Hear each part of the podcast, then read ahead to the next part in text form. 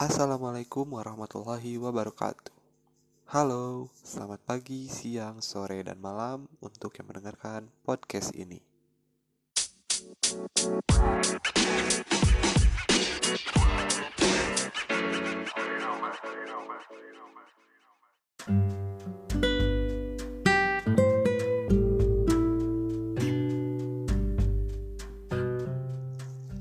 Ya, sebelumnya perkenalkan terlebih dahulu nama saya Mugia Bagus Mudafar dengan NIM 2001-304 dari kelas 4A Prodi Ilmu Ekonomi dan Keuangan Islam Fakultas Pendidikan Ekonomi dan Bisnis Universitas Pendidikan Indonesia. Pada kali ini eh, saya akan eh, sedikit membahas mengenai eh, financial teknologi atau yang sering kita dengar atau kita sebut dengan fintech uh, untuk memenuhi tugas uh, akhir dari mata kuliah uh, industri jasa keuangan uh, Islam non bank. Nah, uh, mendengar kata-kata financial teknologi atau fintech, pasti saya yakin bahwa yang mendengarkan podcast ini uh, pasti sudah tidak asing lagi gitu dengan apa uh, itu fintech atau financial technology. Jadi, financial technology atau fintech merupakan inovasi di bidang jasa keuangan yang mana tidak perlu lagi menggunakan uang kertas. Dengan kata lain, keberadaan financial technology ini mengubah mata uang menjadi digital agar lebih efisien. Nah, dalam sejumlah literatur ditemukan beragam definisi tentang fintech. Secara umum dalam arti luas, fintech menuju pada penggunaan teknologi untuk memberikan solusi-solusi keuangan.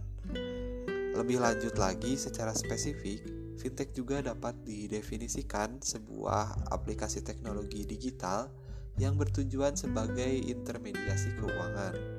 Dalam pengertian yang lebih luasnya lagi, Fintech didefinisikan sebagai industri yang terdiri dari perusahaan-perusahaan yang menggunakan teknologi agar sistem keuangan dan penyebaran dari layanan keuangannya menjadi lebih efisien. Nah, seiring perkembangan teknologi, perkembangan fintech atau financial technology ini juga semakin marak di tengah-tengah masyarakat. Dilansir dari ojk.go.id, fintech lending atau yang bisa disebut juga dengan peer-to-peer lending adalah layanan pinjam meminjam uang dalam mata uang rupiah secara langsung antara kreditur atau lender pemberi pinjaman dan debitur atau borrower penerima pinjaman berbasis teknologi informasi.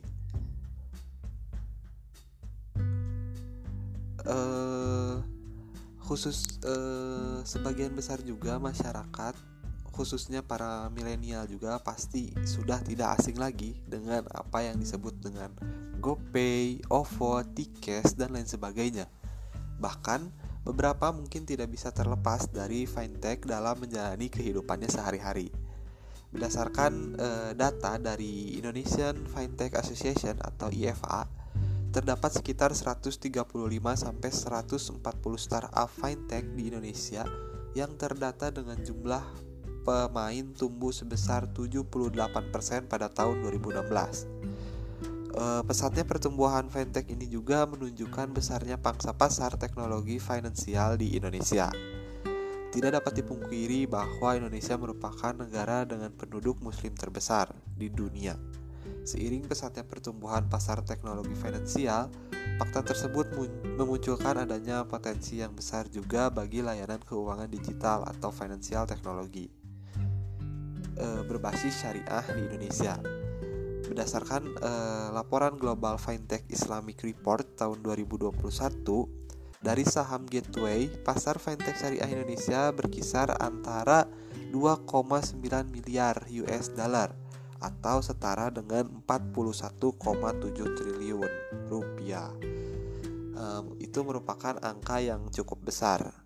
Fintech syariah di Indonesia juga diatur dan mengacu pada Fatwa Dewan Syariah Nasional Majelis Ulama Indonesia atau yang disingkat dengan DSN MUI nomor 117 tahun 2018. tentang layanan pembiayaan berbasis teknologi informasi berdasarkan prinsip syariah. Berdasarkan fatwa tersebut, eh, fintech syariah adalah penyelenggara layanan jasa keuangan berdasarkan prinsip syariah yang mempertemukan atau menghubungkan pemberi pembiayaan dengan penerima pembiayaan dalam rangka melakukan akad pembiayaan melalui sistem elektronik dengan menggunakan jaringan internet. Uh, fintech syariah juga ini merupakan uh, kombinasi dari inovasi teknologi informasi dengan produk dan layanan yang ada pada bidang keuangan dan teknologi yang mempercepat dan mempermudah bisnis, proses dan dari transaksi, investasi dan penyaluran dana berdasarkan nilai-nilai syariah.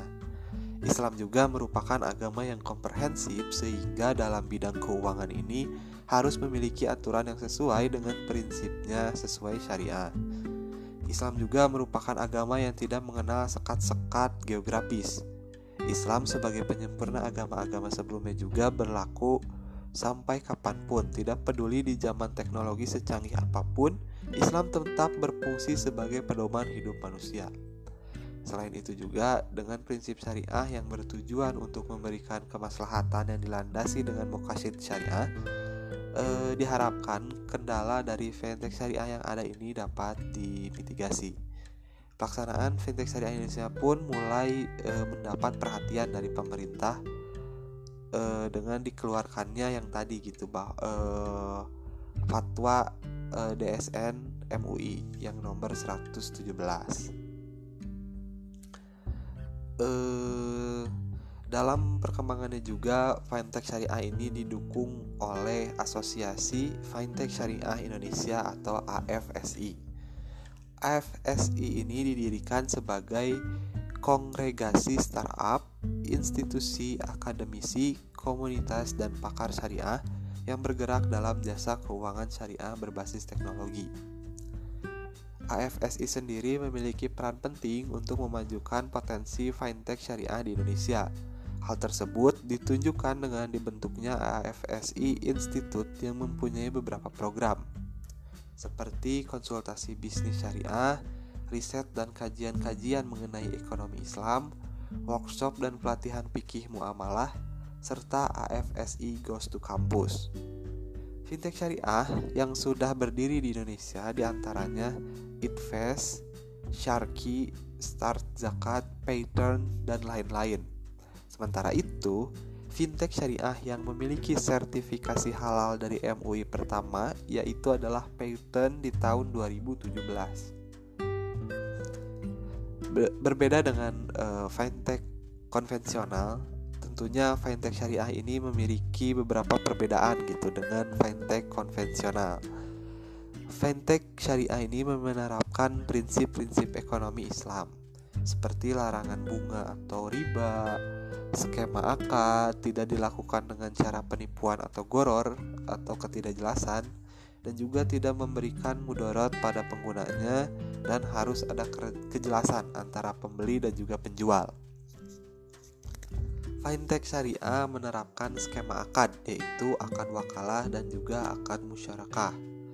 Hasbi Asyidik menyebutkan bahwa e, wakalah adalah akad penyerahan kekuasaan yang mana seseorang menunjuk orang lain sebagai penggantinya da dalam bertindak atau bertasyaruf. Hukum wakalah adalah sah, baik dengan ada atau tidak adanya upah.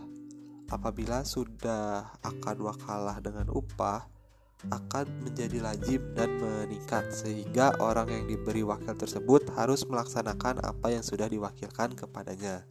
Maka dari itu, wakil tersebut memiliki hak untuk menerima upah begitu wakalah selesai.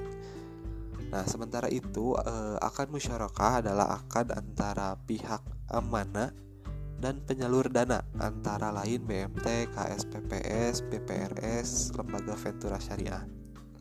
Pemilik modal dan penyalur dana akan sama-sama menyetorkan modal dengan nominal sesuai dengan kemampuan dan kesepakatan pihak-pihak dalam masyarakat tersebut. Pembiayaan dalam fintech syariah ini memiliki beberapa prosedur yang sesuai dengan akad syariah. Akad pembiayaan dilakukan oleh penerima pinjaman dan pemberi pinjaman dengan skema Alcor. pemberi pinjaman dan e, memberikan pinjaman atas tagihan yang diberikan. Setelah itu dilanjutkan akad wakalah bil ujroh, yang mana pemberi pinjaman ini mewakilkan pada penyelenggara layanan untuk membantu melakukan pengurusan atas tagihan yang diberikan. Akad al merupakan eh, wakalah bil ujro dilakukan secara online melalui website penyelenggara layanan. Nah, eh, pengguna fintech syariah ini juga memudahkan masyarakat eh, untuk mendapatkan layanan jasa keuangan syariah, investasi, dan juga eh, pembiayaan syariah. Pengimplementasian prinsip ekonomi Islam pada fintech syariah juga mampu memberikan kebermanfaatan bagi pihak-pihak yang saling bertransaksi. Dengan adanya akad yang jelas, pembiayaan fintech syariah juga dapat membantu masyarakat ini memperoleh pembiayaan tanpa keluar ataupun melanggar dari prinsip-prinsip syariah.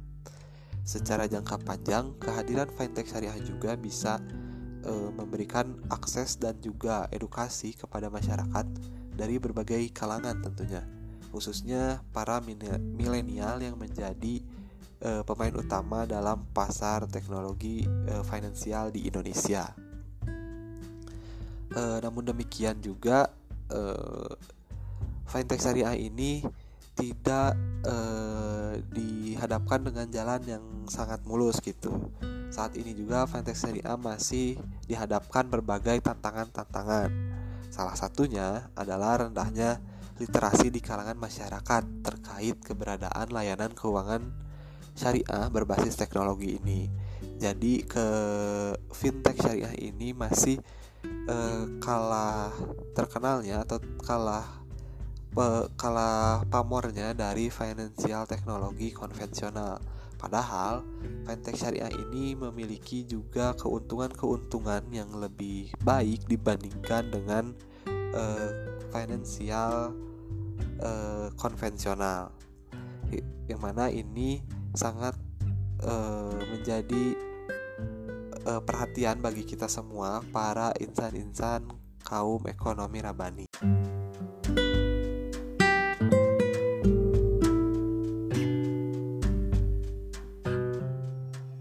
Ya, yang selanjutnya permasalahan yang harus dihadapi oleh fintech syariah ini ya ini dari sang pendahulu dari fintech syariah tersendiri yaitu uh, fintech konvensional. Uh, fintech konvensional ini uh, memberikan citra atau pandangan yang kurang baik dengan munculnya pemberitaan dan juga stigma-stigma negatif yang diberikan oleh masyarakat tentang uh, pelaksanaan fintech yang terjadi di masyarakat.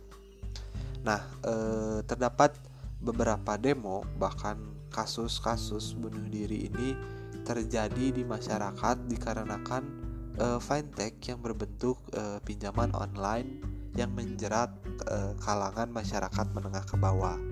Selanjutnya juga uh, kendala atau tantangan yang harus dihadapi oleh financial teknologi syariah ini yaitu financial teknologi konvensional yang terdaftar ini lebih mudah dan lebih bervariasi sedangkan uh, fintech syariah masih kekurangan modal sehingga kurangnya sumber daya, inovasi produk dan juga marketing.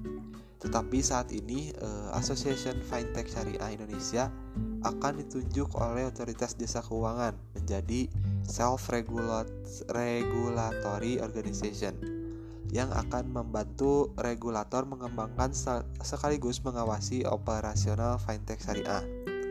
Selain itu, regulator dan industri bersama pengembangan ekosistem yang dapat menunjang literasi dan juga partisipasi di fintech syariah sinergi atau kolaborasi antara fintech syariah juga bisa menjadi solusi. Uh, un, uh, kehadiran fintech syariah ini juga uh, yang berlandaskan pada prinsip syariah diharapkan mampu memperbaiki tujuan awal dari kehadiran fintech yang seharusnya uh, memudahkan masyarakat dalam melaksanakan kegiatan dan transaksi ekonomi yang berlandaskan prinsip syariah. Peluang dan tantangan fintech syariah di Indonesia ini e, menjadi penting begitu untuk dipelajari seiring dengan perkembangan pesatnya fintech syariah di Indonesia.